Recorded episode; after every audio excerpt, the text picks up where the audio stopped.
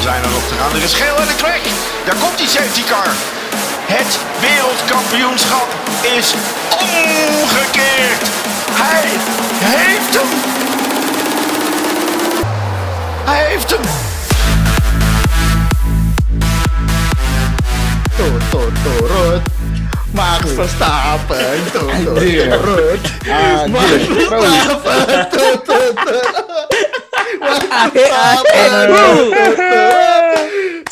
Verstappen. Let's out and away we go. Balik lagi guys ke WNF1 Podcast. Barengan sama sekalian ada gua Andra dan malam ini sama Fadil sama Oke dan yang kayaknya baru kelar party Yo, kan. Wah, Bayangkan. Itu Bayangkan muntah tuh selek. Enggak, bukan muntah itu tuh batuk kemenangan yang tidak bisa diungkapkan dengan kata-kata tau nggak? Oh, kirain kirain kirain keselak minum air mata fansnya Hamilton. Eh, Eh, eh. belum Udah belum nggak enak, udah dulu, deal. rasanya udah nggak ada, saya udah nggak dianggap Oh, lagi. oh, ini ya. Oh, masalahnya Hamilton udah udah, irrelevant ya? Eh, udah irrelevant. udah udah nggak relevan. Kita build up dulu lah. Jangan ter- jangan jack, jangan ini dulu. Jangan punchline dulu. Jangan punchline dulu. Iya, ada Oh, juga Nuha, aja. ada Nuha yang baru saja merayakan dua periode ya. Salam dua periode. Max dua Verstappen periode. dua periode. Max Verstappen dua Back to periode. back, back to back. Dua Back periode. to back. Let's go. Yes, yes, yes. Kalian pasti juga udah nonton eh Japanese GP kemarin eh, segala macam tentang Max Verstappen akhirnya bisa jadi juara, terus sprint race yang dipindah ke hari Minggu. Itu kemarin sprint race aja sebenarnya. Iya, sih, Iya. Sprint race Itu- keempat itu- musim ini. itu kemarin sebenarnya eh, Belgia 2021 tuh terancam tuh. Hmm, Eh, iya. title race Oh, terbaik title dalam sejarah the- F1 tuh nah. kemarin nyaris terancam diambil sama Jepang, tapi dilanjutin. Iya, kemarin gue udah mau bikin polling di Twitter tuh kalau misal apa yang Jepang beneran gak lanjut tuh gue udah mau polling kan mana race yang lebih bagus kan Belgia atau Jepang. Ternyata dilanjutin.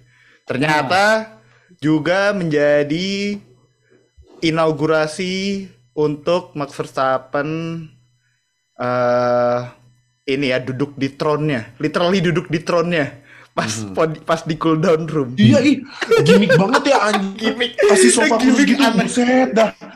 Gimmick banget, Enggak, buset. maksud gue aku kasihan dia, cuy. Kayak dia dia dia dia yakin dia belum juara terus lu juara. Ah, seriusan? Enggak. Iya lu juara. Habis itu kan dia dari apa namanya? cooldown room tiba-tiba kebingungan disuruh duduk di throne, udah duduk doang kan dia. Ini ngapain gue ini? Bingung aja bingung. Bingung aja dia. Bingung. Tapi eh, mari kita buka dengan ini pertanyaan ala-ala apa?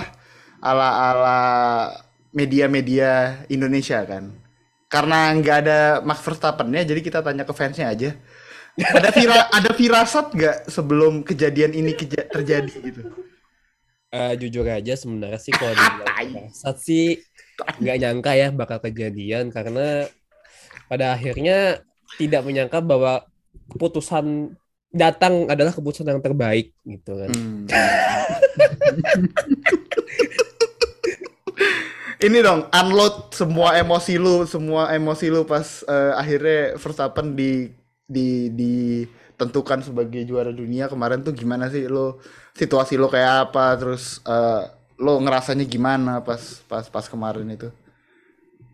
Uh, actually it was weird ya karena karena karena gue juga nggak nyangka kok bisa juara di situasi yang sebenarnya gue nggak berharap bukan nggak berharap lebih tepatnya. Gue kayak nggak menyangka kalau bakal juara di Jepang. Padahal kan kalau misalnya secara hitung-hitungan kalau kalkulasi sebelum ya sebelum Leclerc kena penalti mungkin harusnya masih bisa di Austin. Dan Hmm. kalaupun memang nggak juara di Suzuka gue pun nggak masalah juga. Toh memang tetap bakal juara anyway gitu loh tetap bakal juara juga pada akhirnya. Tapi dengan cara juara yang ada yang bilang katanya dibantu FIA goblok lu ya.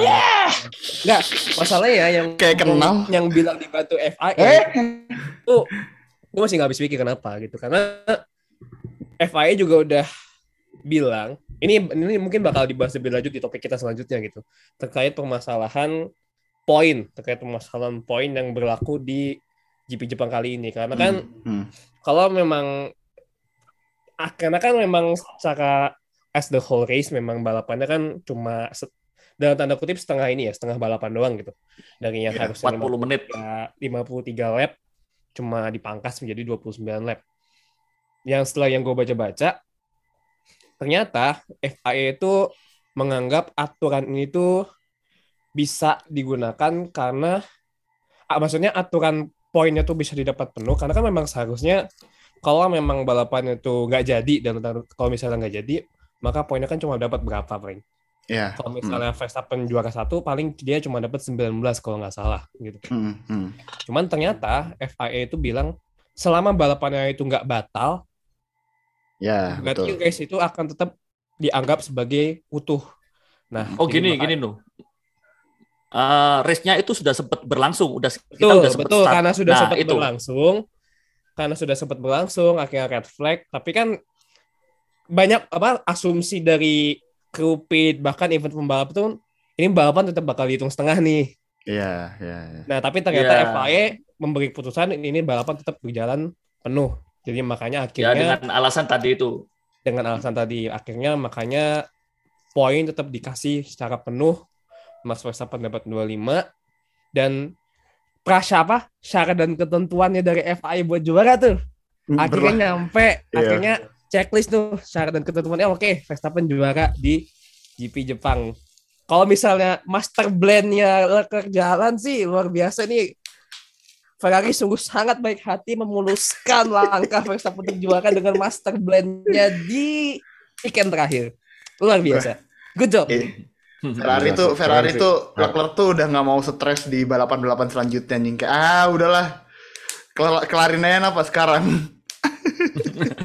Udah apa udah Ya itu sih, itu sih salah satu loophole yang di ya tanda tanda ya loophole yang digunain sama FIA itu itu sih. Soalnya kan kalau orang kan pasti fans pasti bakal bandingin di Belgia kan.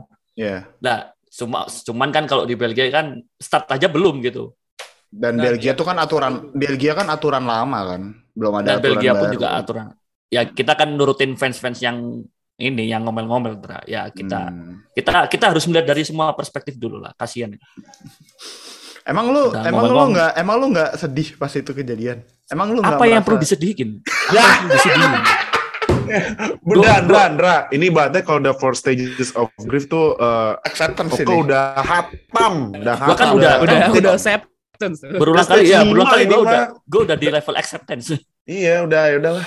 Eh, tapi tapi tapi jujur loh ya se se, se ininya gue masih bangga sih sama tifosi. Mereka nggak ada yang keluar-keluar kayak fans LH44 gitulah. Ah, wow wow wow tidak. Tidak tidak. Tidak nggak diajak nggak diajak battle kenapa keluar keluar Ma- maksud gue satu salah satu kebanggaan gue menjadi tifosi sih fansnya nggak toksis sih. Karena mereka tahu diri gitu. Eh, eh, tim timnya nggak nggak bisa uh, fight buat juara. Ya udah kita jadi fans yang biasa-biasa aja lah.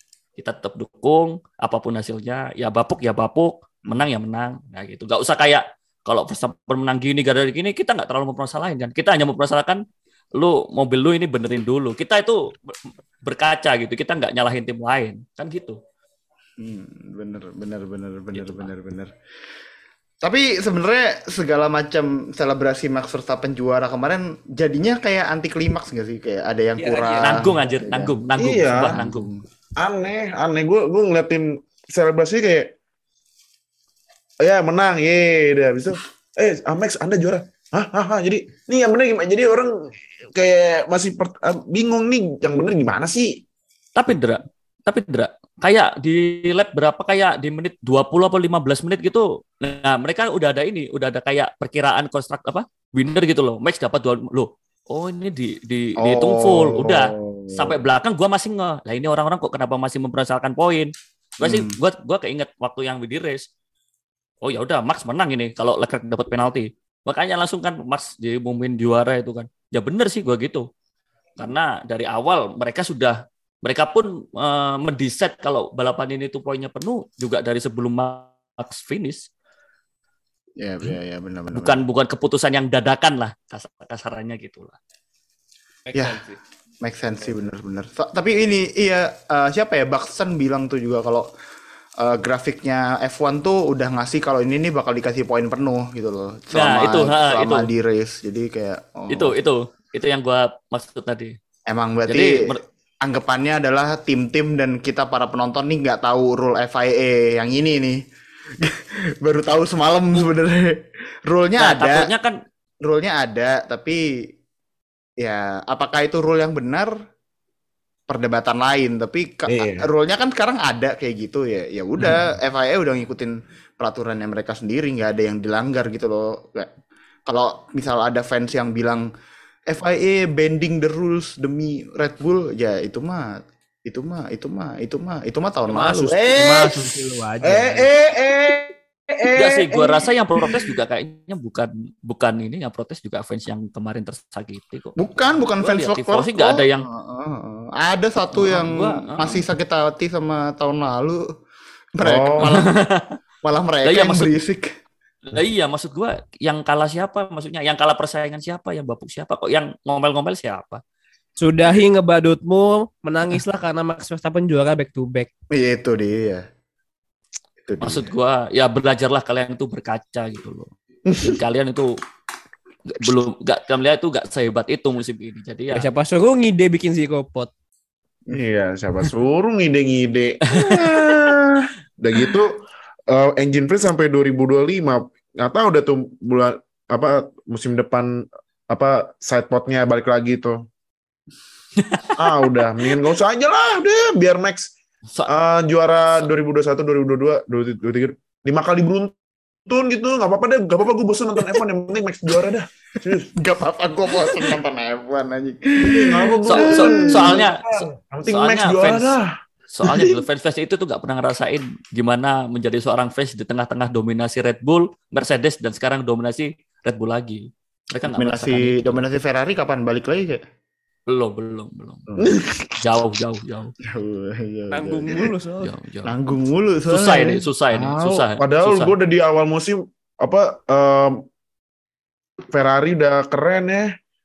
Gue udah bilang, udahlah nih Ferrari udah booking. lu Udah, tau nggak Kenapa? lu tau nggak kalau kondisi itu yang di yang kondisi itu di sebaliknya misal yang Red Bull ini yang bapuk masalah strategi gue belum Nah. tentu Ferrari ini bisa memanfaatkan kondisi kayak Max gitu sih gue Iya. gue sampai gue sampai gue sampai sejauh itu gitu mikirnya apa iya kalau ini kondisinya dibalik nih siapa Kalau- namanya Hana Smith Hana Smith tuker-tukeran lah sama strateginya Ferrari gitu. Eh, BTW kemarin ini ada yang bikin animenya Hannah Smith ya, anjir. Iya, Iya. iya, Jer. Lucu banget. Jadi langsung jadi pada jadi waifu.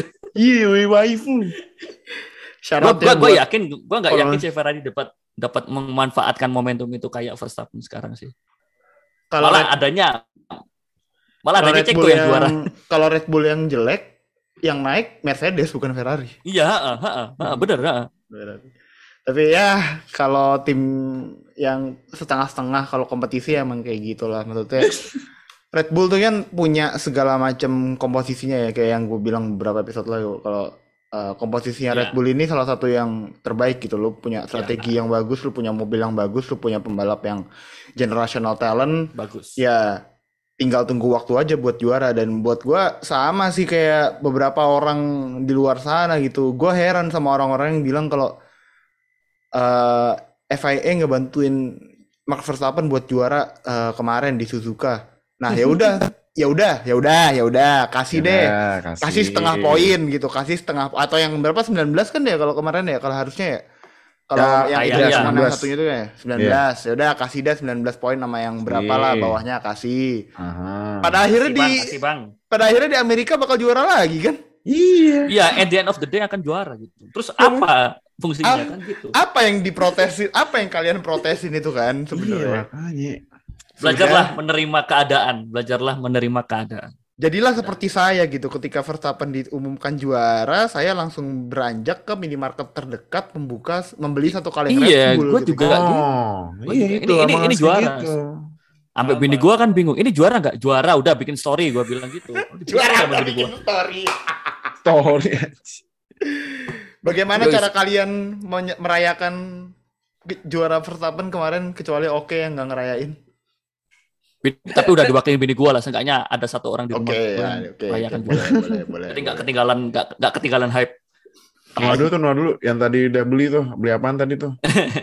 Ya standar aja sih, cuma minum Red Bull aja satu kaleng. Emang gak gue upload mana-mana sih karena gue cuma upload story Verstappen aja karena gue mau menikmati secara khusyuk dan damai tajuk-tajuk kemenangan yang setelah tahun lalu berbagai drama dan kontroversi akhirnya musim ini menikmati kemenangan dengan tenang dengan damai walaupun agak sedikit awkward ya cuman ah. Mampus tuh Hamilton. Enak ya kalau enak ya kalau juara nggak deg-degan ya. Enak lah tenang Enak. tenang Tenang ya, damai iya. gitu kan Ya iya. Ya iyalah nggak nggak deg-degan. Yang harusnya kemarin udah bagus, tahu eh ini tahu pakai meme yang Asher yang watch this tuh apa? Watch eh, this, let's go. Strategisnya Ferrari tuh watch this, watch this. Jalanin Watch ya, this. Ah, Fadil, apakah merayakan?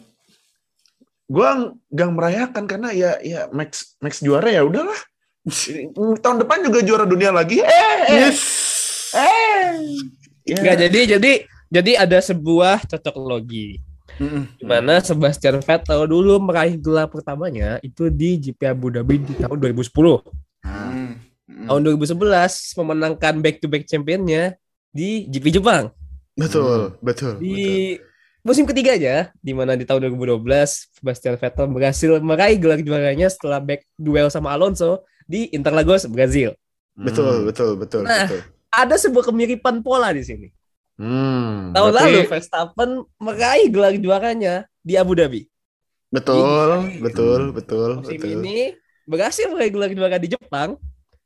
Lalu kayaknya musim ketiga atau tahun depan bakalan dapat gelar juaranya di GP Brazil. Cuma siapa yang bakal jadi duel sama dia itu doang sekarang. Nah, Hmm, siapa yang bisa memberikan perlawanan untuk Max Verstappen di tahun ketiga?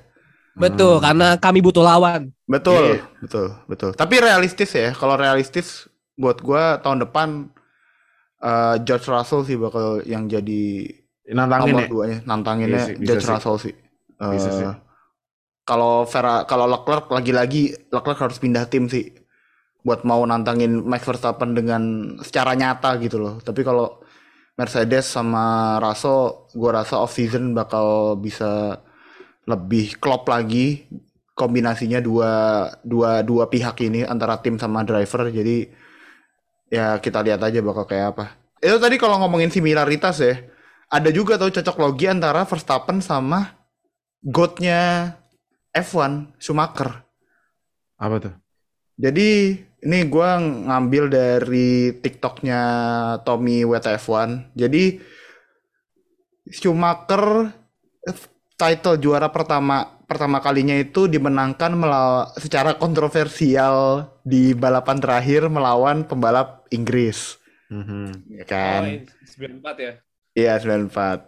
Verstappen sama kan? Dia juga Ya memenangkan sama. Iya. eh finale yang kontroversial melawan pembalap Inggris gitu kan. Hmm. Terus bentar, ah videonya lama nih. Nah, Schumacher di title keduanya, juara keduanya, dia mendominasi musim eh mostly banyak dapat menang, terus dia dapat 1 P2 sama 1 P3. Hmm. Max eh, musimnya Max tahun ini dia dominasi musim 2022 dia dapat 12 menang dari 18 race dapat 1 P2 sama 1 P3 juga. Dan Schumacher itu ngekunci titlenya yang title keduanya itu di Suzuka juga. Ngeri. Ya. ngeri. Jadi Verstappen udah share kesamaan dengan berapa? Dua dua pembalap yang juara dunia juga level atas gitu sih. Jadi buat gue sih Iya. Masa depannya sih kalau berdasarkan cocok logi masa depannya sih cerah sih kalau nggak ngikutin Verstappen yang eh kalau nggak ngikutin Vettel yang ngikutin Schumacher gitu kan minimal 7 juara dunia berarti bener Gua sempet gua sempet singgung beberapa episode berapa ya. Kalau Max Verstappen ini dia sudah berada di level dia tuh udah ngasih inputan ke engineer-nya. Sama kayak yang dilakuin kayak Vettel sama Schumacher. berarti itu makanya dia adalah- bisa dia bisa domin dia bisa dominasi banget di musim ini ya menurut gua sih eh, Verstappen benar-benar udah di level itu udah di level pembalap yang dia nggak cuma naikin mobil nggak terima jadi lah dia dia ngasih input ke engineer-nya Jadi dia bisa memaksimalkan memaksimalkan potensi dia dan mobilnya. Gitu. Iya. Oh, nggak kayak yang nggak kayak yang tim Oren ya yang ngeluh mulu sama mobilnya. Katanya Oh, katanya mobilnya mobil. udah cocok sama dia. Cocok sih cocok, cuman tahun depan nggak punya kerjaan kan. Ya, ya, ya, Hmm. ya. Itu itu LinkedIn-nya udah ini ada Hmm. strip hijaunya itu. Open tour. Open tour. Tai. Linkinnya open tour kanji. Masalahnya kan si masalahnya kan kursi kosong tinggal dua ya. Iya, tinggal Williams, William Williams sama, sama Has. Has. Nah, William sama Haas itu ininya ungu. Wi, wi apa? Wi, I'm hiring. I'm hiring. Hashtag hiring. hiring, hashtag hiring. Apa kalau ya, tapi ya nantilah kalau soal pembalap yang itu. Oke, jadi Verstappen udah kunci gelar juara dengan sisa berarti berapa? Empat race, Empat, empat empat race. race. Apa selanjutnya buat Tiga di- Verstappen di... musim ini? Ini dua. Masih ada harapan. masih ada sesuatu yang masih bisa dia kejar kah? Oh inilah rekornya Hamilton lah. Kejar tuh. Jauh, Ini Pak. berapa win sih sekarang? Hamilton apa? satu musim ya. Hamilton, Hamilton apa Vettel? 100. Enggak enggak. Vettel, Vettel. Eh, Vettel. Vettel Ya udah Vettel ini bisa. tunggu tunggu. Gue gue cek dulu ya. Most Vettel kan Win. 9. in F1 history. Ntar gue cek dulu ya. Max berapa sekarang? Sekarang Max Jauh, Pak. 12. Kan kan nomor satu kan Jauh, Pak. eh, ini Lefrot Hamilfrot. Eh, Enggak. In Apa eh, 100 berapa? Most win Nah, in a season nih. kan? Ada tuh lo. Ini season harusnya. Ah, enggak, kalau yang oh, kalau yang kalau dalam sejarah kan ini Max sekarang angka menangnya sama kayak Alonso nih. Alonso ya 32. Tiga dua. Hmm, hmm. Sisa race berapa?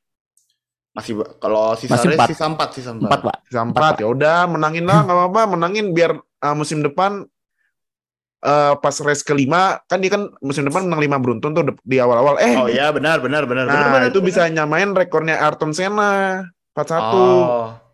Oke. Nah, habis itu kan udah keren tuh kan, masih muda udah top 5 win of all time gila, ya kan? Jadi Kalau gua apa ya? kalau gua jadi Red Bull mending gua prioritasin Perez biar Red Bull bisa finish 1-2 terus menang constructor. Kayak sempurna gitu musim ini gitu. Hmm. Gue setuju sih kalau itu. Kalau Lebih- lebih- setuju kalau itu. Lebih make sense gitu gak sih? Kalau kalau kalau gua sih gitu sih. Bisa sih. Lebih make Bisa karena kenapa? Ya lebih make sense nggak, Anu? Sorry sorry. Lebih make sense nggak? Menurut gue lebih make sense karena satu masih ada GP Meksiko juga yang technically itu ya Iya ada Meksiko. balapannya Perez lah. Gue ya gue nggak tahu ya gue punya feeling Verstappen bakal ngasih jalan buat Perez buat juara di sana entah kenapa. Harus sih. Harus. Feeling gue sih nggak tahu ya, feeling gue berkata begitu. Jadi firasat lah, firasat gue mengatakan begitu karena Verstappen udah nggak ada lagi yang perlu dikejar di musim ini sebenarnya gitu kan. Jadi ya let Ceko win aja dan Ya biar biar Otomatis mereka finish 1-2 itu kayak kayaknya sempurna banget gitu. itu lebih itu lebih masuk akal buat gue karena sekarang kan poinnya Red Bull tuh konstruktor kalau nggak salah 600 berapa itu dan kalau misalnya mau dibandingin sama yang nomor duanya gitu Ferrari itu udah jauh, udah jauh banget gitu kalau misalnya dibandingin udah beda tiga ratusan tiga ratusan poin kalau nggak salah kalau ini wrong ya Ya, ntar nih gue lagi ngecek juga. Nih, iya. Iya. Tapi kan 600 ini- 619 poin Red Bull Iya. sekarang. Tapi kan ini nih, kan gue baru cek ternyata kan eh, dalam satu musim yang empat- menangnya paling banyak itu kan Atau eh, Vettel sama Schumacher ya. Michael Schumacher Tiga- 13 menang. Schumacher. Max nih udah 12. masih bisa Nah, dua kasihlah dua menang gitulah nggak apa-apa dah. Dua nih kan sisa empat nih. Dua Max, dua Perez dah. Nah, gitu biar biar Maxnya udah makin solidify jadi Enggak, jadi goatnya F1 eh Ya Enggak, intinya enggak, mereka harus satu dua sih di, di empat Iya, terakhir harus 1-2. satu dua lah. Sisa berapa? Empat race kan ya? empat race empat bagi race. dua Dua. aja Enggak, enggak. dua, Iya. dua, dua, dua ke dua ke Verstappen. Ah. Satu ke Perez di Meksiko. Ah, oh iya iya benar Satu, ya dong, satu, satu lagi, satu lagi Vettel di Abu Dhabi sih. Udah, udah, udah kelar. Oh iya sih bener iya iya iya. Iya. Udah, bener juga ya perpisahan ya. Bisa, udah, Oh udah, iya udah, cuy. udah bagus. Iya. Atau atau ini atau satu buat yang eh, tahun kemarin dia Abu Dhabi bete gitu gara-gara Apa? Ya ya ya ya. jangan. Ricciardo bukan? Ricciardo. dia lagi. apa Latifi Latifi juga mau buka bahas Oh iya, Latifi juga loh, Latifi loh. Latifi tahun depan nganggur loh. Oh iya Go TV ya. Iya. Latifi itu nggak nganggur tahun depan kata siapa nganggur dia jadi financial advisor kok Apa? Nutella. Oh. Financial advisor apa Nutella? Williams Si lah. Sofina, Oh. Williams. Kirain Nutella, sales Nutella kan. Anjir sebenarnya. Eh, tapi ya itulah eh, segala puja-puji terhadap juara dunia dua kali beruntun back to back eh, Max Verstappen what a season that he had juga sekarang dia udah poinnya 113 dengan sisa balapan itu maksimal 112 poin ada 8 poin tambahan karena ada sprint race di Brazil biasa sprint sprint gak jelas gitu Ah, ilah masih Ya kan? dan ngomongin soal sprint race, Jepang kemarin ini adalah sprint race yang dipindah ke hari Minggu sebenarnya. Jadi mari kita membahas, mari kita membahas balapan dari balapan di Jepang secara general. Kita udah nggak suka sama sprint race, ternyata kita masih dipak dikasih lagi sama balapan berapa 45 menit ya berarti kemarin? 45 menit. 45 menit. 45 menit. Ya, kayak balapan ini ya, hujan. 45 menit tuh kayak balapan eh, F2 ya? Iya sih? Enggak ya? kayak Hmm, Fitur, enggak, Fituris, F- Fituris. Oh iya iya benar-benar minggu. kayak sprint kayak sprint race-nya Itu F2 race. segituan. Sprint race F2 tuh 45 menitan lah. Kan 100 ke- 100 km Kalau- kan. Kalau feature race 1 Oh, iya, jam. Feature race itu 1 Satu jam. jam ya Fituris ya. Feature race 1 jam. Jadi pertanyaan saya eh pada malam kali malam hari ini yang pertanyaan per- pertama saya adalah kenapa FIA lebih takut sama pembalap pakai ban wet daripada naruh traktor di samping jalanan? Gue masih, jujur gue masih, anjing, kesel banget gue gua masih nggak ngerti gitu. Gue masih nggak Iya. ngerti. Coba deal duluan, deal duluan, deal duluan. Deal. Gua Nanti kita aduh. tanya satu-satu ya. Ini karena kegoblokan FIA ini harus diusut usut tuntas ini. Nih, yang pertama itu kan dulu udah ada insiden ya yang bikin FIA bikin apa harus mandatori semuanya pakai halo ya. Yang kejadiannya mendiang Jules Bianchi Bianchi di Jepang juga, di juga lagi lagi Di hujan. Jepang kondisi yang sama. Iya, udah tahu kayak gitu. Ya, al- terus FIA bilangnya kan gitu kan, karena bendera sudah merah, jadi traktornya dikeluarkan. Lah itu bendera merah, mobilnya masih ada. Ya ampun. Gue kayak, Nah, eh, ya oke, dan, dan keluarin mereka traktor. menyalakan Iya, oke keluarin traktor buat be- apa beresin mobilnya siapa tuh? Sainz ya? Iya, sains. Sains. Sains. benar-benar. Iya, tapi kan mo- mobilnya masih ada, masih masih ini kan eh mesti ini kan kalau red flag kan harus speednya kayak safety car harus pelan-pelan. Nah, Iya. udah tahu masih ada mobil ya itu kan teknologi FIA kan udah canggih ya. Pasti kan ada ada Tracking. GPS atau uh, tracker Ya, buat GPS. mobil yang masih di track kan. Ya masa disuruh nyuruh traktornya keluar? At- gua gua gua bingung ya ini antara FIA-nya error atau ketua ketua steward yang error ya. Gue masih bingung. Nah, terus yang kedua, gue paling kesel nih ya. Udah udah error gitu. Eh, udah tahu ban wet, full wet masih ada, nggak dikeluarin juga mobil-mobilnya. Ya mungkin karena aqua planningnya terlalu tebal kali ya. Ya cuman kan ban Hmm. full wet kan gunanya itu ya, buat ngelibas aqua planning yang tebel ya. Betul, kan? betul, betul. Kenapa nggak disuruh keluar main? Main Iya. Iya, Kalah, disuruh kalah, main kalah keluar. sama anak-anak anak-anak sini. Tahu masa kalau mau apa anak sama bocil-bocil lapangan ma- pada berani main bola Mm-mm. sama ini ojek payung kan.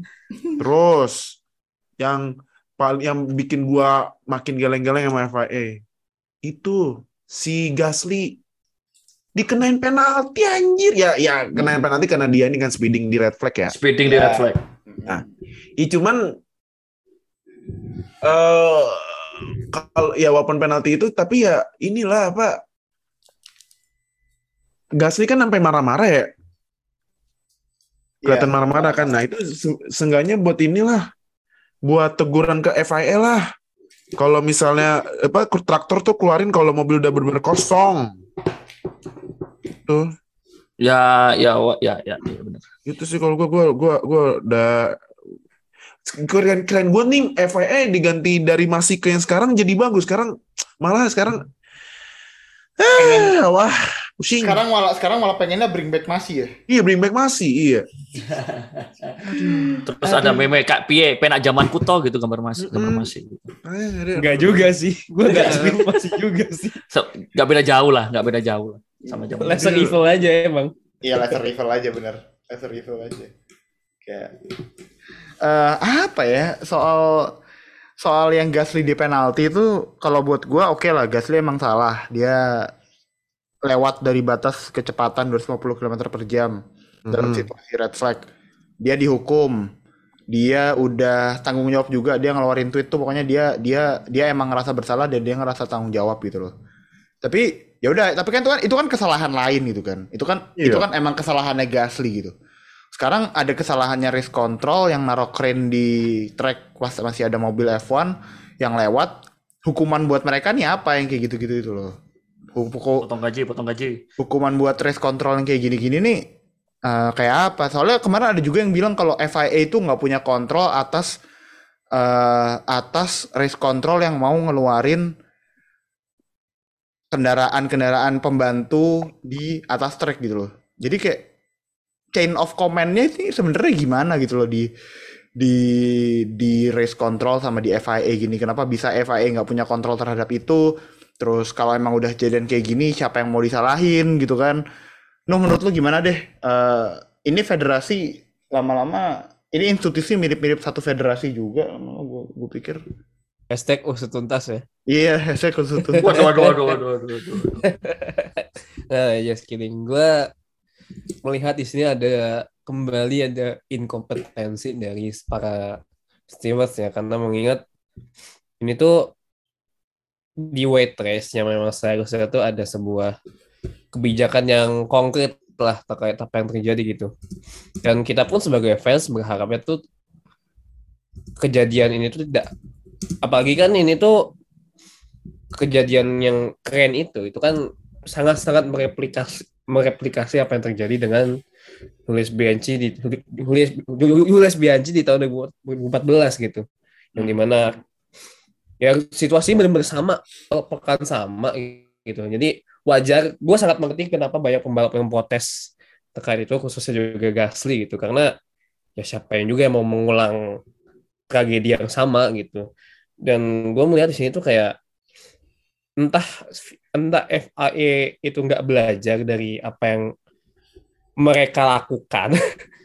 Entah mungkin karena orangnya berbeda juga jadi mereka merasa tidak bu, tidak perlu melihat masa lalu gitu dengan apa yang udah mereka lakukan itu jadi gue sedikit menyayangkan sedikit menyayangkan aja sih inkom in, lagi-lagi sih inkompetensi F, bukan FIA atau stewards di musim ini karena kan sebenarnya udah cukup banyak inkompetensi FIA di beberapa race belakangan gitu. Hmm. Dan ini tuh kayak semakin menjustifikasi aja kalau yang ngurusin balapan day to day itu ya dia just care about the money aja menurut gua. Nggak ter- terlalu mikir yang namanya safety balapan apa segala macam. Karena kan ini kan urusannya udah keselamatan ya safety gitu.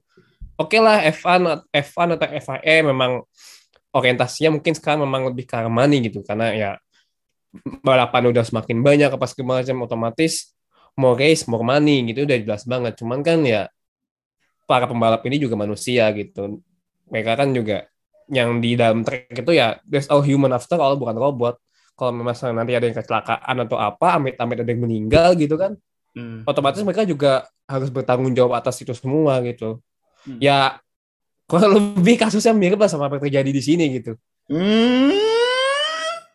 Apa? Ya, Ya, betul. jangan mentang-mentang lu tidak terlibat secara langsung otomatis lu tidak bertanggung jawab atas hal itu gitu itu sih poin gua sebenarnya.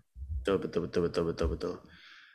Kayak naruh keren di track di sepanjang F mobil F1 masih itu kan sebenarnya kan nggak cuma membahayakan pembalapnya kan, tapi kan membahayakan marshalnya yang operat operator si kerennya itu juga, terus beberapa tim keselamatan yang ngebantu buat mindahin mobil si Sainz itu dari side dari sampingnya track. Jadi keselamatannya bukan cuma soal driver tapi ya keselamatan orang-orang yang terlibat dalam misi penyelamatan mobil tersebut gitu.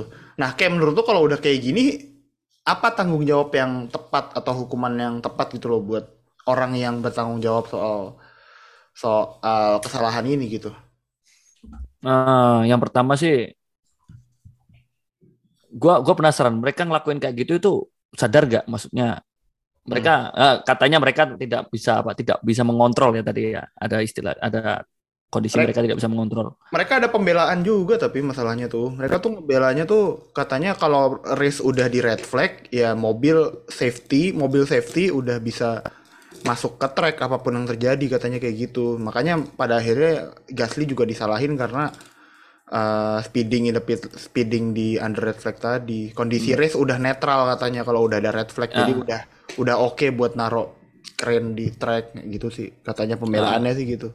Eh, kalau gua sih, gua sih kalau ngelihat ini tuh lebih ke masalah komunikasi aja sih. Eh, gimana ya? Ya setuju sih Indra kalau tadi kalau ada ada udah ada sign red flag berarti ya udah berarti eh, eh, se- semua pihak yang semua pihak yang udah tahu prosedur red flag itu pasti mereka bakal udah gerak dengan sendirinya. Cuman kan menurut cuman kan kalau ini sih kejadiannya dalam tanda kutip spesial ya mungkin ya. Nggak nggak Hmm. sesuai dengan apa yang mereka ber- mereka bayangkan atau mereka rencanakan gitu. Kalau red flag itu bakal kayak gini gini gini gini gini gini. Ternyata ada suatu kondisi yang kayak gitu ya yang mereka harus evaluasi sih Indra. Bener Hmm. nggak kalau red flag itu langsung kita turunin kita turunkan semua personel yang terkait dengan evakuasi mobil eh, dengan kayak gitu udah bener apa belum soalnya kalau dilihat dari salah sih kalau kalau masalah salah semuanya salah kalau gua. Gas- Gasly pun salah. Gasly pun salah FIA pun salah dan operator keren di lapangan pun juga menurut gua juga salah gitu. Marshall bilang di lapangan juga menurut gua juga salah gitu. Jadi masing-masing pihak harus introspeksi. Karena ini kejadian juga bukan pertama kali. Ya kalau kalau di kalau di proyek istilahnya inilah near miss Nirmis, ya, near miss dong ya near miss dong. Ya benar. karena hampir hampir hampir terjadi kan. Ya kita harus kita harus ada namanya ini ya anali eh, bukan analisa evaluasi aja apa yang kurang dari prosedur kita pro- prosedur kita selama ini. Yang yang yang harusnya nanti diterapkan di sisa race ini gitu. Kalau gua sih lebih ke ke ke situ sih. Ini kan orang kan udah pada besar udah gede semua dan mereka juga regulator juga masa ya masih me- masih masih melakukan tingkah kekanak-kanakan gitu sih Indra. Yes, oke. Benar saling salah-salahan. Saling Gasly salah-salah. marah-marah itu pun juga alami karena dia langsung semua orang pasti langsung keinget apa Iya. yang terjadi dengan Jules Bianchi pada 2014 lalu dengan kondisi ya ya ya, ya seakan-akan kayak dejavu kan anjir gitu seumpama kemarin ada satu ada Gasly atau Vettel gitu yang nabrak kan orang langsung ingetnya ke situ gitu itu sih yang bikin emosionalnya kan itu anjir ini gimana sih maksudnya apa ya FIA itu manusiawi cuman setelah itu ya jangan terlalu dipanjangin Nah, semuanya harus itu- semuanya harus berkat berin ya ber, bukan- berintrospeksi lah muhasabah diri. Mu- Muhasabah diri. muhasabah diri anda Nah, muhasabah Muhasabah diri diri Anda Anda. sendiri. Ya, ya, ya, benar benar. benar. Muasabah Oke. diri buat fans Hamilton. Eh, Yeah. Anjir, kasihan dia udah nggak- jadi udah- kenapa masih aja pakai jeropot? Eh, udah nggak udah nggak ikutan masih kena ya iyalah. Siapa suruh dominasi 7 tahun? iya. Siapa, siapa suruh? Siapa Apa, suruh fansnya uh, toxic anjing? Apa? Siapa suruh fansnya toxic? Ah, kalau kata Nuh apa pos apa pos power pos power Power syndrome. syndrome. Post power syndrome. emang, emang gila. Karena udah lama berkuasa, gila, giliran sekalinya payah, nah, geger langsung, ayam langsung. Mm, mm. Rasain. Ya, ya udahlah. Oke, balik kita ngomongin soal sprint race di Jepang yang setelah red flag yang lumayan lama itu eh berapa sih satu jam ya? Satu jam lebih lah pokoknya red flag tuh. 40 menit Enggak red 40 flagnya. oh, satu- red flag Red iya. flagnya satu jam Iya, lebih lah pokoknya. satu jam lebih Hampir Jadi dua sisa- jam kok, hampir dua jam. Jadi sisa 40 menit yang ada di race, balapan udah nggak pakai lap tapi pakai timer. Eh, udah kayak Formula 11. Jadi ini sih momen ketika ini yang buat gua dan mungkin beberapa orang bakal setuju gitu kalau Perez itu adalah wingman terbaiknya eh, wingman terbaik dari driver utama mana pun sih menurut gua. Eh, maksud gue siapa pun yang jadi driver utamanya ya mau itu kalau sekarang kan Max, Max Verstappen gitu tapi kalau misal misal aja dia ditempatin di kondisi tim kandidat juara yang lain uh, di beberapa musim lalu, dia pasti bisa ngelakuin tugasnya dengan baik gitu. Uh, Perez kondisinya deket sama Leclerc gitu uh, di lap-lap terakhir dan tugasnya Perez sebenarnya uh, kalau nggak bisa bikin overtake Leclerc ya dia harus bikin maksa Leclerc uh, bikin kesalahan dan itu Ya, yang nekan lah, dilakuin Nekan. nekan lah neken terus Tekan. Leclerc sampai akhirnya Leclerc bikin kesalahan dan itu yang akhirnya dilakuin Leclerc bikin kesalahan di chicane dia outbreak himself jadinya keluar dari track eh, dianggap sama Stewart sebagai move yang gaining advantage keluar dari track dan gaining advantage dan ngasih eh Perez posisi kedua gitu di di balapan dan sekaligus memastikan gelar juara dunia Verstappen. Ini bukan sekali, bukan dua kali eh, Perez ngelakuin hal yang nguntungin tim dan nguntungin Max kayak gini, tapi ini mungkin salah ini mungkin move paling pentingnya eh Perez di sepanjang karirnya dia dan ini yang ngebuktiin kalau dia emang di ultimate team player gitu. Dia emang pembalap yang emang balapannya buat tim gitu. Dia udah sadar posisinya dia di gimana, ya dia nggak banyak ngeluh juga. Dia akhirnya ngelakuin tugasnya dengan baik aja gitu loh. Dan he delivers very well. Noh, Nah, udah Tapi ntar, ntar, ntar, ah, ya. lanjut, lanjut, lanjut. Kalau gue tanya ke lu, lu menurut lu lebih lebih lebih krusial move dia ke Leclerc kemarin Atau atau pas di Abu Dhabi yang dia jagain Hamilton uh, yang Max masuk pit terus uh, Perez jagain Hamilton sampai ngedeket kan terus itu Hmm. uh, Pereznya pergi nah, menurut lu lebih krusial mana kalau gue lebih krusial yang kemarin sih, kenapa yang Leclerc. Eh, soalnya yang pas dia nahan Hamilton pun, pas Hamilton ngelawatin Perez, akhirnya Hamilton jauh lagi aja. oh iya iya ya kan? Akhirnya Hamilton jauh lagi dan baru akhirnya eh, butuh ini the goat himself buat crash eh, baru si Verstappen bisa kesempatan- punya kesempatan menang kan. Tapi kalau yang di Tapi, Hmm. Yang di tapi yang gue kemarin, sorry, tapi kalau yang di kemarin ini impactnya langsung kerasa dan apa ya?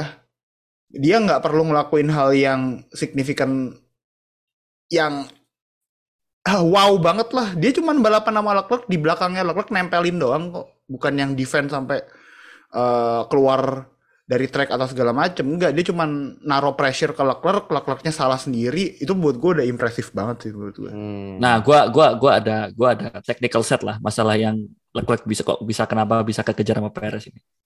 Gua menemukan fakta baru. Bannya habis. Nah, dan itu gua baru nyadar Ferrari mobilnya performanya turun setelah ada technical derivative, technical direction. Apa sih? Ya, Namanya TD itu loh. Nah, ya TD. mobil TD. Ferrari turun banget performanya semenjak ada itu. Semenjak diwajibkan pakai itu mobil Ferrari turun banget. Hmm. Mobil Ferrari yang sebelumnya tire gra- degradasinya tinggi, ini makin tinggi lagi.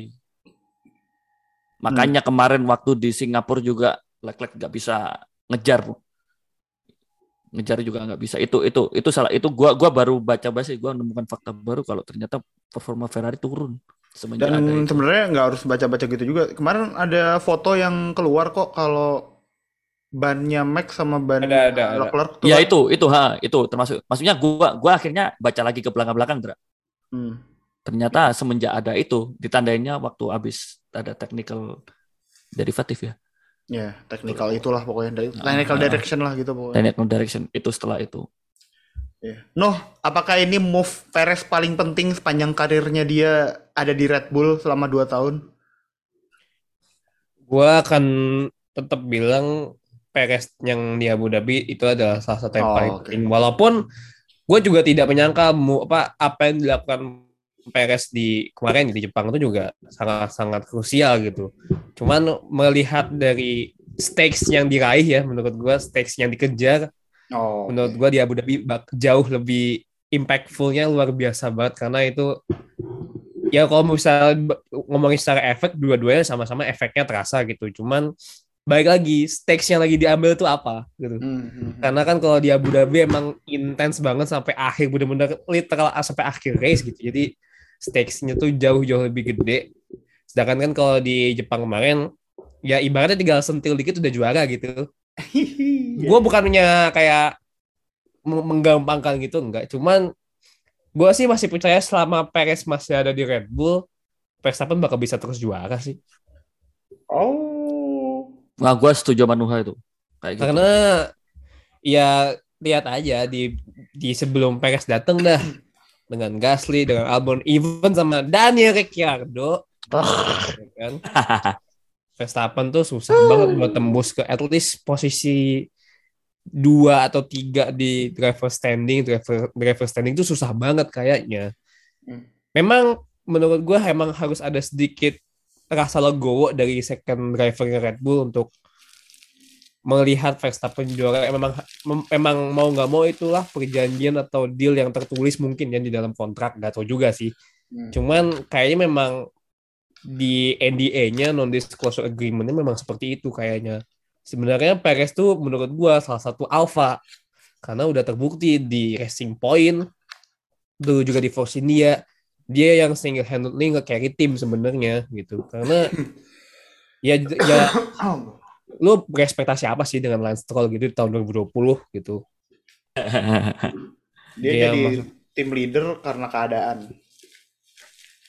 karena keadaan ya karena ya dia emang sebenarnya skillful gitu ya Iya. emang driver yang bagus ketika akhirnya Red Bull memilih Perez buat diambil ke sana Perez udah tahu dong maksudnya udah pasti dia tahu posisi dia tuh seperti apa bakal seperti apa di Red Bull dia menerima kalau di posisi dia sebagai second driver butuh kebesaran hati yang luar biasa loh untuk menjadi second driver di Red Bull menurut gua karena nggak semua orang bisa Gasly itu menurut gue dia pengen banget ngebutin kalau dia tuh bisa sebagai first driver, which is dia gagal. Albon pun juga demikian gitu.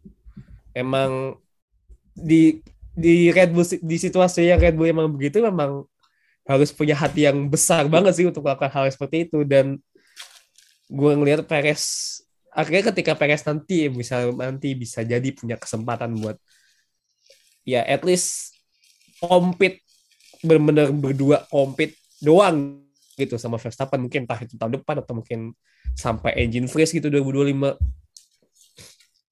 ya gue sih bisa melihat F1 bakal semakin boring sih karena Red Bull jadi terlalu jago Gak apa, gue rela boring yang penting Max menang. Dah.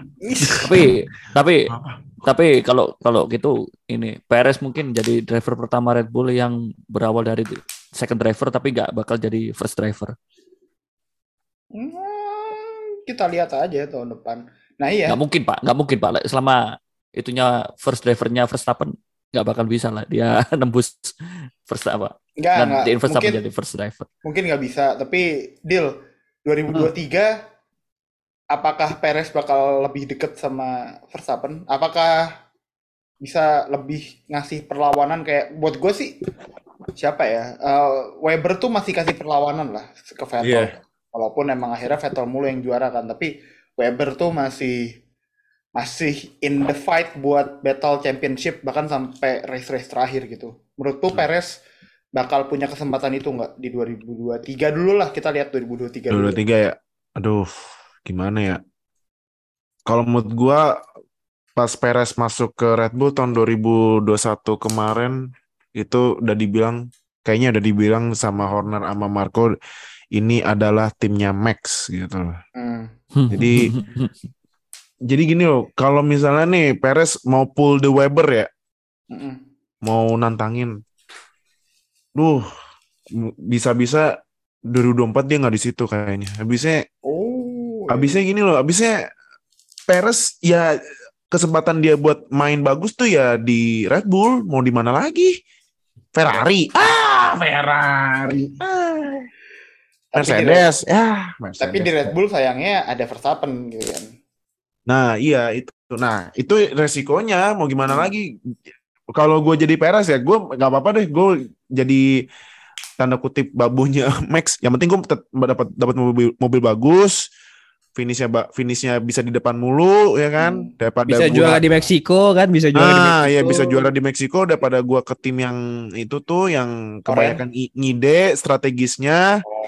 Gue dijanjin pembalap pertama, eh udah kenceng-kenceng disuruh pakai ban hard padahal bannya bisa soft. Nah, itu aja emang emang ada ininya apa ada Ente emang kadang-kadang ada ih, timnya emang kadang-kadang. iya emang tim ente kadang-kadang ente. Nah, itu jadi eh, daripada ke tim ente kadang-kadang ente jadi mendingan yang eh, GG. tim yang ini yang pasti-pasti aja. iya GG. yang Pasti aja. iya mendingan tahu tahu daripada GG tim enggak? yang- GG enggak? Nah, at kalau nggak GG gigi lah. nggak, tim yang begitu sulit lupakan Red Bull karena Red Bull terlalu baik kasih kursi ke Perez. Nah, itu sulit terpakai Red Bull. itu itu, itu ya kan? Tai. Kan Perez baik kan nih Red Bull kasih kursi ke Perez. Nah, kalau ditinggal begitu sulit. Tau gak sih itu itu itu lagu tuh aslinya buat Verstappen dari fans tim Iya. LH. Tim LH tuh. Itu aslinya dari tim LH tuh lagunya. Mm-mm. Begitu sulit lupakan Abu Dhabi 2021. Sampai hari ini pas kita taping mau ada ini kan, mau ada pengumuman FIA yang soal budget cap itu oh kan. iya. Yang Oh iya. katanya Jelas. katanya katanya ada yang over dan katanya Red Bull gitu kan. Hmm. Oh, udah se- sepanjang hari Senin ini seperti biasa tim LH me- mengkoar-koarkan masalah eh, hal tersebut gitu seolah-olah memainkan narasi kalau. Red Bull sudah pasti overspending kalau FIA nanti findingnya ternyata eh, Red Bull ataupun nggak ada tim yang overspending ya berarti FIA nggak becus udah udah main adu narasi lah jago jago jago jago Itu Itulah ini emang. buzzer ya? Buzzer ya? Buzzer Gila, emang. Kenapa maksud gua kenapa kok nggak ada fans Ferrari yang mempermasalahan gitu? Gua juga aneh jadinya. Kenapa Ferrari nggak ada yang mempermasalahin kayak gitu ya? karena masalah anda Padahal kemarin ada kan- di tim sendiri hei Nah, Untuk apa mempermasalahkan FIA kalau masalahnya ada di tim Anda sendiri? Tapi tapi gini, tapi gini. Kalau memang masalahnya ada di diri sendiri, kenapa harus mencari masalah-masalah lain di luar di luar yang lain gitu? Gue masih Nah, bingung itu, logika-logika dari para buzzer-buzzer Inggris ini gitu. Gua- Maksud gua tim tim mereka kan juga lagi pada gitu. masalah gitu, Dra. Bener bener Nuha. Oh benar benar benar benar benar. Bener Nuha. Kenapa kok mereka juga masih ada masalah gitu loh? Kenapa kok mereka mencari-cari masalah lain gitu? Apa mereka kurang masalah? Ada teammate yang lebih jago, terus mobilnya jelek juga gitu kan maksudnya? Iya, iya sih, iya sih itu itu masalah. Itu itu, itu menurut mereka masalah kayaknya. Hmm. Oke. orang Inggris nih toxic emang orang Inggris nih toxic. Emang ini ya, yang keren mah fans-fans Jepang lah ya. Fans Jepang Yoi, sih. yoi. Ah, yang keren Kreatif, kreatif, ya, kreatif. Buka Kreatif. bikin-bikin apa hiasan-hiasan hiasan-hiasan di topi, hiasan-hiasan di masker gitu kan. Hmm. Terus kemarin yang yang keren sih yang ngasih farewell ke Vettel sih anjing tuh keren banget, Tai. Gue Iya. juga ngeliatnya keren banget sih. Ah, Pakai apa? Lightstick lightstick hijau gitu kan. iya plastik Gua- plastik plastik hijau. Gua tuh kalau kalau Vettel gituin gua inget dulu awalnya anjir ini bocah tengil banget gitu kan Vettel dulu awal-awal juara Hmm. dunia anjir. Tim teammate sendiri Weber di diasepin lah kasarannya gitu. Tapi Sekarang. that, that, that was Tapi- champions champions do emang itu emang champion what Iya, tapi do. dan dan dia dan dia dan maksudnya dia memulai karirnya seperti itu dan berakhirnya dia sebagai driver yang dicintai semua fans gitu loh. Itu salut sih gua sama Vettel. Karakternya kuat banget. Iya, benar benar benar. Gak Makanya salah lah. eh, Suzuka ini inilah banyak banget momen yang bagus sebenarnya kemarin yang mungkin kalau kita bahas satu-satu nggak bakal cukup gitu loh kayak Dan eh, kalian semua setuju kan apa yang dibilang Vettel, Dra? apa? Apa? Setuju gue nggak kan? tahu. Is the best is the best track. kalau the best track gue nggak tahu tapi kalau the best fans gue berani bilang iya sih. Kalau best the fans best iya. fans dan the best experience mungkin iya. Cuman kalau menurut gua secara track experience gue bisa bilang ya mid mid aja sih menurut gua. Maksudnya secara track ya. Maksudnya Iya. layout kan. track quality layout. Karena kan Suzuka juga kecil gitu kan. Nggak terlalu Ya udah nggak- banyak sebenarnya overtaking, apa Udah nggak relevan lah ya sebenarnya. Udah nggak relevan sama ini sama Betul, cuman mobil iya. sekarang. betul cuman kalau melihat experience gue setuju kalau itu ya Experience one of mungkin mas the best lah di, salah satu yang the best terlepas kalau misalnya kayak apa namanya kayak Miami kayak Singapura yang sangat-sangat wah dengan DJ musik Ya, ya. peralatannya apa segala macam Jepang sih nggak sebanding sebenarnya cuman the whole experience with Japanese people is just so wholesome aja sih menurut gue hmm benar Dan di Benar, dan benar. di Suzuka itu banyak banyak banyak kejadian yang bakal terus diingat gitu. gua sama Fadil mungkin salah satu yang bakal terus mengingat ini. Waktu 2003 GP Japanese GP 23 itu last lap eh, Kimi Räikkönen nyalip. Alonso. Oh itu gila sih itu. Iya. Itu yang mana yang mana? Yang Raikkonen. Kimi, Kimi nyalip. Kimi nyalip Alonso. Bukan Alonso, Trulli, Eh Trulli. fisik, true apa? Eh, Fisikal, fisikal, fisikal, fisikal lah, fisikal. Ya itu itu itu gue gila Itu, sih itu wah. di mana gue jadi Kimi mania mantap dah itu. Itu dia nyalip outside, flat out. Itu dia start dari belakang loh gara-gara cuacanya jelek. Eh cuaca jelek apa? Gara-gara ini keluar, keluar out. Gara-gara Oh, ini. iya iya Nah, sama Mike Shum- Shumi kan tiga tiga yang unggulannya di belakang. Eh, yang bulan di belakang. Itu, ada- itu memorable ada- banget sih. Ada break, ada sepertinya bakal bentar lagi ada breaking news yang mau gue bacain nggak? Oh betul betul. Anjir, Ada apa, apa tuh? Budget cap, budget cap. Oh, udah, Udah, rilis. Jadi, jadi nih gue kasih ke link ke grup juga ya. Hmm. Jadi ini kayak bahasan terakhir kita malam inilah soal move driver nanti gua gabung sama episode yang minggu depan sepertinya bareng sama cerita Singapurnya Red, eh, siapa Oke.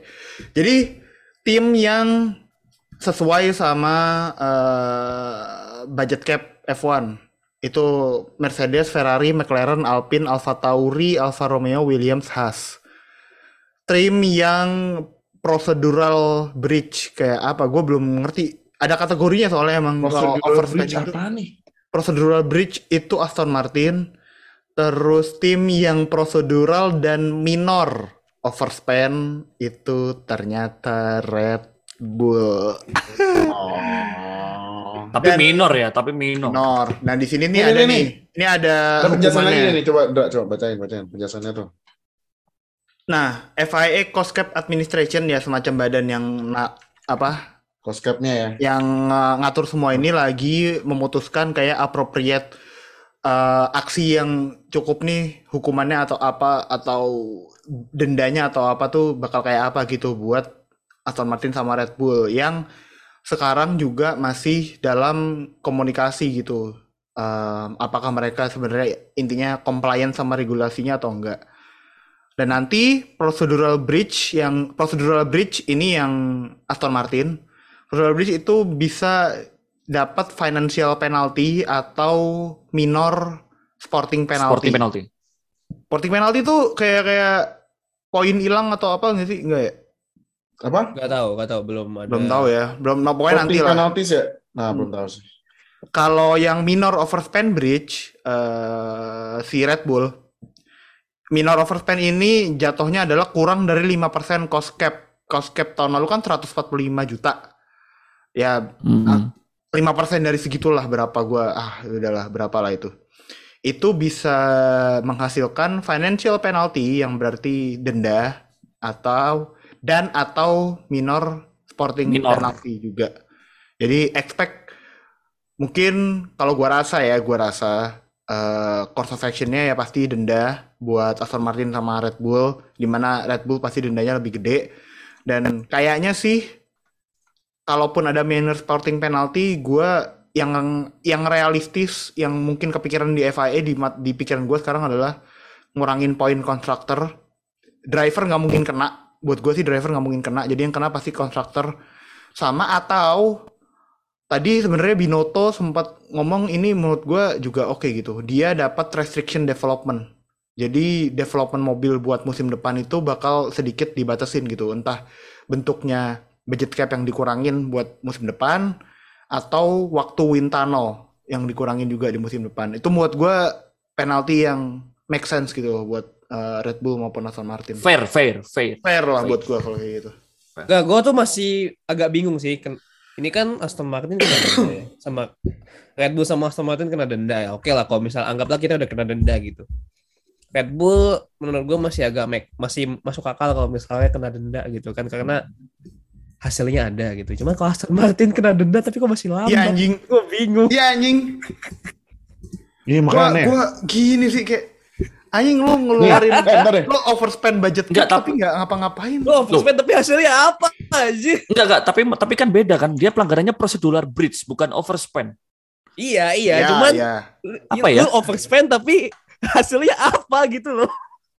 kan ya, lucu aja gitu kalau kan kalau Red Bull over- overspend hasilnya ya oke lah ada hasilnya gitu jelas kelihatan secara kasat mata maupun enggak gitu hasilnya ada. Cuma kalau Aston Martin hasilnya apa? itu doang sih menurut gua ini lucu banget. Ada nih minor spotting penalty ternyata. Tadi gue sempat Ada. tanya. Eh, ada ada eh, ada salah satu dari salah satu dari beberapa ini ya. Satu ada enam ada enam ada enam poin. public, public reprimand itu kayak warning lah, warning yang disebarkan ke publik. Dua, pengurangan constructor championship point. eh buat gue ini yang bakal kena buat Aston Martin atau Red Bull. Tapi mungkin Aston Martin nanti kayaknya sih nggak bakal dapat yang pengurangan constructor championship point. Tiga, pengurangan driver championship point. Jadi yang kena pembalap. Ini yang menurut gua nggak bakal kena buat Verstappen. Jadi sepertinya gelar juaranya Verstappen nggak bakal diubah segala macam. Yang keempat, suspension dari kompetisi. Ini terlalu terlalu terlalu apa? Terlalu berat lah. Ini suspension dari kompetisi ini kayak dari satu race atau berapa race gitu. Kelima, limitation on ability to conduct aerodynamic or other testing. Ini yang menurut gua 5 sama 6 nih yang menurut gua cocok lah buat penalty budget cap gitu. Yang kelima ini eh testing buat aero aerodynamic itu dibatasin. Yang keenam itu cost cap-nya mereka dikurangin. Ini dua penalti yang menurut gua bakal paling make sense buat eh, Red Bull ataupun anjing kalau Aston Martin enggak sih Aston Martin sih menurut gue warning aja sih ngapain anjir kasihan banget Enggak, kalau ter- tergantung apa yang mereka maksudnya Iya seberapa berat yang Hmm, mereka hmm. langgar aja sih sebenarnya. Iya sebenarnya ini nanti Tergantung itu seberapa, sih. seberapa berat yang mereka langgar Berat. gua rasa kalau deduction of construction championship point nggak bakal eh masih likely realistisnya itu tapi kalau buat gue yang paling make sense ya tadi yang dua dua Eh, kalau dulu yang Racing Point Jiplak breakdown dulu apa ya? Driver ya? denda Eh, driver apa denda constructor ya? Constructor ya? kontraktor denda sama kontraktor Constructor ya, ya. Hmm, hmm, hmm, hmm. oke Iya sih, belum. itu kalau gua kalau kalian gimana Fadil Nuha oke Ya, Ah, gua gua lebih gua setuju kalau masalah development sih dibatasin. Itu udah terlalu GG menurut, menurut gua itu. Development is the key in the next season untuk persiapan musim depan. dan hmm. lumayan berat ya Dan lumayan berat sih. Ya satu salah satu salah satu modal mereka buat mengarungi musim depan ya apalagi kalau bukan development. gue sekalian nge-tweet kalau lo Dil? Ehm, gimana ya? Ya, ya Noah dulu deh, Noah dulu. Gue masih mikir, gue masih mikir. Gue belum bisa. Masih mikir gue. Oke oke. Eh, Nuh gimana Nuh Ya, gua sih sebenarnya nggak kalau memang akhirnya nanti didenda mah ya ya udah aja gitu. Karena kan kalau memang proven overspending gitu overspend mah ya ya, ya udah gitu. Mau gimana lagi toh? Karena menurut gua masih make sense karena hasilnya ada gitu hasilnya juara. Dan menurut gua walaupun overspend juga hasilnya tidak akan merubah apa pun pasti bakal tetap juara anyway gitu Hmm. walaupun misalnya nanti at the end of the season misalnya ada pengurangan poin emang masih bisa disusul sama tim bawahnya itu aja sih kalau Iya. gua Hmm. ya Makanya itu. Semua Tapi itu kan- semua itu nggak akan berubah keadaan kecuali development. tuh Ini jadi kan- gua sih menanggapinya dengan santai Ya udah. aja Pa- paling yang panas ya bahasa-bahasa Inggris aja cost capen cost capen Ya. Ah. Iya. makanya nggak usah ngide kalau bikin mobil balik lagi ya iya Aduh, gila lucu banget breaking news pas lagi tapping gini kan ah Iya. elah, susah banget ah kayak lu ada lagi mungkin Ya itu sih. Eh, kalau menurut gua, menurut bener kata Nuha, apa pun semua semua punishment, semua punishment yang ada tadi 6 poin, menurut gua nggak ada yang bakal ngerubah situasi. ya benar Kecuali li- kecuali poin kelima, limitation of ability to conduct academic or other testing. Itu sangat menurut gua ya kalau dari sisi dari sisi development itu bakal ngefek lah pasti mereka pasti bakal mikir lah kalau denda lah duit beberapa sih kan gitu nothing lah buat mereka tapi kalau kalau kalau waktu kalau waktu masalah kayak di waktu di CFD atau di wind tunnel itu sangat berharga buat mereka gua ngelihat dari sisi engineering aja sih Oh, berarti lu prefernya uh, developmentnya kalau yang kena penalti dikurangin gitu apa gimana? bukan poin. Itu waktu uh, uh, Iya waktu buat Jadi- development ya kan. Ya, sedangkan kan eh, kalau kalau tim kalau Red Bull musim ini juara, kan otomatis waktu mereka juga udah paling sedikit. Nah, sampai Hmm. sekarang nah, terus kena hukuman lagi tambah sedikit lagi kan waktu buat development mereka. Hmm. Itu sih. Makanya salah sa- satu-satunya punishment yang bakal merubah keadaan ya cuman development deal. Dan itu dan apa masuk tapi nggak musim ini, musim depan. Tapi hasilnya keli- kelihatan. Di musim Oke. ini nggak ada yang merubah keadaan. Kalau gue ya, kalau gue misalnya buat yang budget cap uh, violation itu hukuman yang paling bagus. Kalau financial menurut gue nggak efektif. Ya nothing ya duit berapa Iya. sih balik? Gue gue setuju mau aku sih apa uh, wind tunnelnya dikurangin. Wind tunnel CFD kalian running satu kali CFD simulasi CFD itu bisa berjam-jam loh. Meskipun Iya. mereka udah pakai superkomputer, Iya, wind tunnelnya menurut gue yang dikurangin. F- Iya, FYI aja ini. Sama. Nggak tahu sih kalau di di NFL kayak gimana ya kalau ngelanggar budget cap? Apa nggak ada ya? Kalau ada NFL budget cap ini disuruh apa draft pick-nya diambil sama, sama, denda. draft pick. sebenarnya. Denda sama draft pick. Ya, Rugi gak F1 grafik? F1 Rugi ya, lumayan kan ya? draft pick kan buat development kan ya. Berarti Iya, iya. F1 iya. kalau gitu ya ini wind tunnelnya dikurangin. Ya. Seenggaknya mereka bikin kapok lah. iya. Oke, kalau gitu. Eh, maybe that's it buat episode spesial Max Verstappen 2 periode kali ini. Oh ya, itu aja itu aja ya. Ah. Itu aja ya, Ya. judulnya. Max Verstappen iya. 2 periode. Atau begitu sulit lupakan Red Bull. Eh, ya ya ya, udah banyak banget yang kita bahas eh, hari ini. Thank you buat Fadil Nuha. Oke, sudah join. Eh, sedikit info aja buat Fatah. Eh, kita lagi cari-cari jadwal yang cocok kalau bisa bisa tapping sama dia karena kita cuma bisa bilang time zone kita udah beda lah sama dia. Ada agenda-agenda lain yang dia harus lebih penting buat Iya. lakukan. Jadi Ada tujuan hidup yang harus dicapai. Iya. ke depannya mungkin bakal lebih sering eh, kita berempat atau ya nanti kalau misal ada ada waktunya ya Fatah bakal join lagi sama Iya. kita tapi dia masih tetap bagian dari WNF1 Kan Dia F1. lagi cari the real jati diri dia nih. iya biasa lah Kalian semua jangan suuzon ya. Kalian semua. jangan suzon jangan suzon suzon, anak iya. muda biasa kayak Anak gitu. muda biasa lah. kita nggak berantem nggak berantem nggak kayak nggak kayak grup-grup itu nggak berantem nggak berantem Eh, thank you buat semua yang udah dengerin Eh, kalau kalian Red Bull party jangan lupa party dengan responsible we'll see you guys in our next episode. Bye guys